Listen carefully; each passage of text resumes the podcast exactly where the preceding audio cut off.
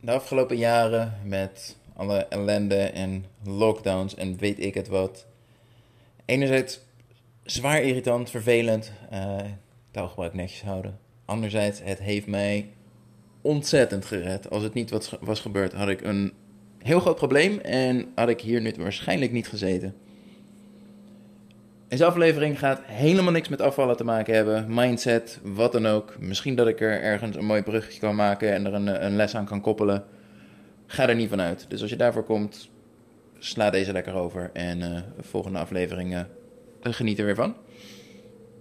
Deze gaat over mijn persoonlijke verhaal van de afgelopen jaren. Um, laten we bij het begin beginnen. Zoals je waarschijnlijk wel weet, ben ik ondertussen getrouwd met een uh, Filipijnse vrouw. Vijf jaar lang op en neer gevlogen. Um, en uiteindelijk was er dus het plan dat ik in april hier naartoe zou vliegen en uh, niet meer terug zou gaan. Dat we hier zouden gaan wonen. Dat was gepland voor april. In maart gingen alle grenzen dicht en uh, kon je nergens meer komen. Einde oefening. En dat heeft mij verschrikkelijk gered, gek genoeg. Want ons hele plan was. Juri doet online coaching, online, dus het maakt niet heel veel uit of die in Nederland zit of in de Filipijnen. Mooi plan. Alleen zat daar nog een dingetje aan waarvan ik niet op de hoogte was. Volgens de Nederlandse uh, wetten als ondernemer moet je namelijk fysiek werk in Nederland verrichten. En dat kan betekenen dat ik uh, nou ja, personal training geef, deed ik destijds. Het kan zijn dat ik een kantoor heb met werknemers, niet echt van toepassing. Um, of dat ik een aantal keer per jaar naar Nederland zou toevliegen om uh, voor een groep te spreken, personal training te geven. Lijkt me een beetje raar. Maar aangezien die allemaal niet van toepassing waren, mocht ik geen bedrijf houden in Nederland, zou ik na acht maanden in het buitenland mijn bedrijf moeten stopzetten. Dat is ook de reden, um, ja, de oorzaak dat ik deze podcast opnam. De brief van het stopzetten van mijn bedrijf kwam namelijk net pas aan. Ik ben geloof ik ondertussen 16 maanden in de Filipijnen. Mijn bedrijf is ook al in maart opgezegd. Maar hè, Nederland is niet zo heel snel als het gaat over papierwerk en dat soort dingen. Maar goed, als ik dus in april was gevlogen, zou ik er acht maanden later achter komen dat um, de boel niet klopt. Dan ontvang ik ineens heel veel blauwe brieven en uh, heb ik best wel een groot probleem. Dus um, gelukkig kwam ik er op tijd achter, nou ja, mede omdat mijn um, emigratie uiteindelijk pas een jaar later in juli heeft plaatsgevonden. Uh, wat is het uit mijn hoofd? In plaats van 2020 werd het juli 2021. Maakt niet uit, jaartallen allemaal vaag tegenwoordig. Hè? Wie houdt het nog bij? Um, maar ik moest dus een oplossing hebben.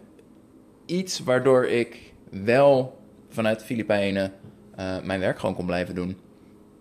Want zwart en zonder onderneming, ja, dat, dat kan je doen als je in Nederland bent. En is dan al niet zo heel verstandig. Maar uh, internationaal moet je dat soort grapjes. Kan je beter niet doen. Niet zo verstandig. Zeker niet in een land als dit, want dan heet het belastingontduiking.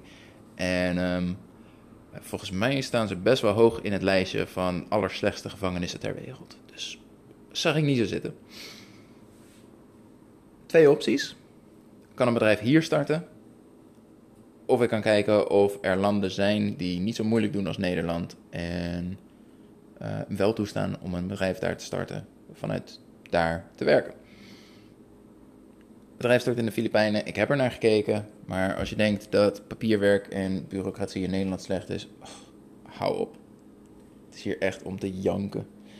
Gisteren, ons internet moet even overgezet worden van oud appartement naar nieuw appartement. We hebben daar een uur zitten wachten.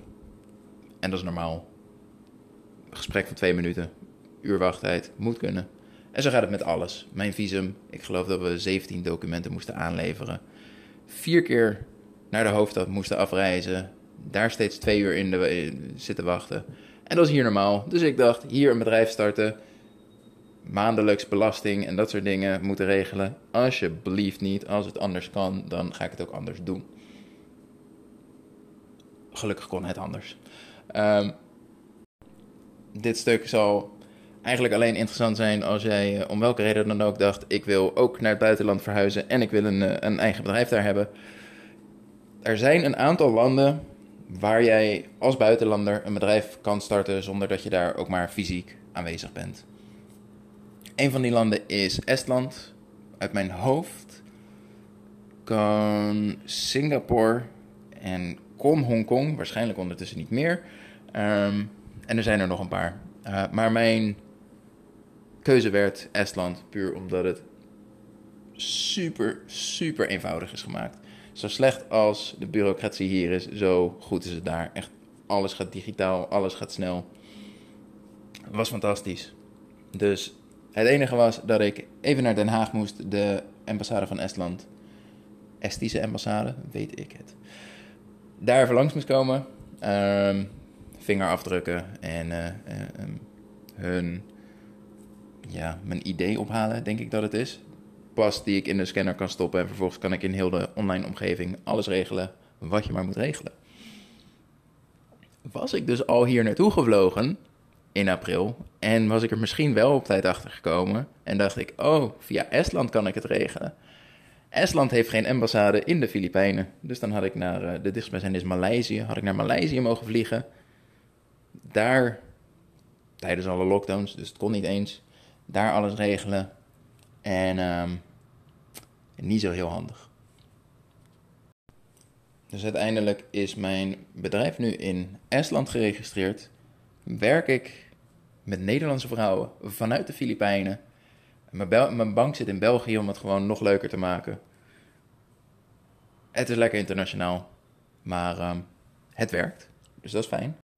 En nou is dit het stukje van het lockdown verhaal en uitstellen van mijn reis, wat nou, gewoon een beetje praktisch is en uh, uh, niet zo heel schokkend. Degene waar ik misschien nog wel het meest in ben gered, om het zo te mogen noemen, is um, ik had finaal onderschat wat wij hier aan kosten draaien maken. Ik had namelijk in mijn achterhoofd dat wij met, nou als ik het ruim neem, met 1000 euro per maand helemaal prima rondkomen. En ik denk op dat moment dat mijn onderneming consequent rond de 1500 euro per maand binnenhaalde. In Nederland kan je daar helemaal niks mee. Het was op dat moment ook te laag om um, mijn vrouw naar Nederland te verhuizen. De visumeisen daarvan zijn best wel streng als je ondernemer bent. Um, dus dat was onvoldoende. Maar ik dacht, joh, 1000 per maand, geen probleem. Dus uh, het is goed genoeg zo. Ja, uh, niet dus. Dan heb ik het voordeel dat die reis dus zodanig werd uitgesteld. En um, dat ik eindelijk het licht zag en als coach dacht... hey, misschien moet ik zelf ook eens coaches inschakelen. Want mensen schakelen mij in voor dingen waar zij niet zo goed in zijn. En hoewel ik heel goed ben in coachen, is het hele ondernemer zijn een vak apart... waar ik heel weinig vanaf weet. Ik doe iets en het werkt een beetje, maar dit is het niet helemaal. Dus ik heb coaches ingeschakeld en... Um, geen moment spijt van gehad. Ondertussen hebben wij een heel gezond inkomen. Werd er dus wel mee geconfronteerd dat die duizend in de maand. Uh, was niet genoeg. Um, ik geloof dat wij vanaf dag 1 ongeveer 2000 per maand kwijt waren.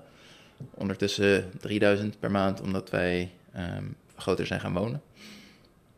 Maar uh, ik zou daar gewoon een enorm probleem gehad hebben. Spaargeld was redelijk op op dat moment. De kans was sterk aanwezig dat. Um, of alles zou dan natuurlijk heel hard op zijn plek zijn gevallen, want ineens zit je in het buitenland en uh, het is erop of eronder. Of ik had na drie maanden terug kunnen vliegen.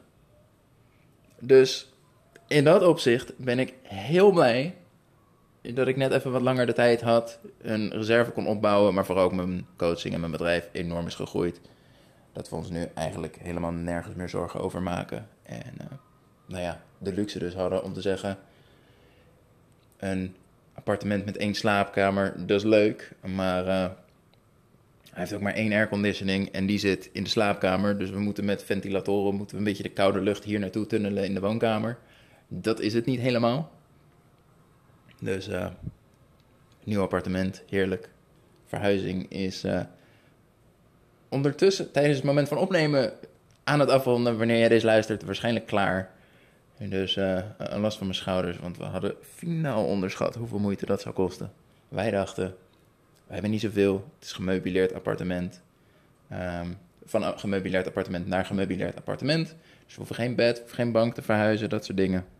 En um, het is vijf minuutjes lopen. Dus we hebben een, uh, ja, wat is het, een bouldercar aangeschaft. En we dachten, joh, drie keer op en neer lopen en we zijn klaar. Ik heb in een week nog nooit zoveel stappen gehad. Het was iets meer dan drie keer lopen, kwamen we achter. Maar goed.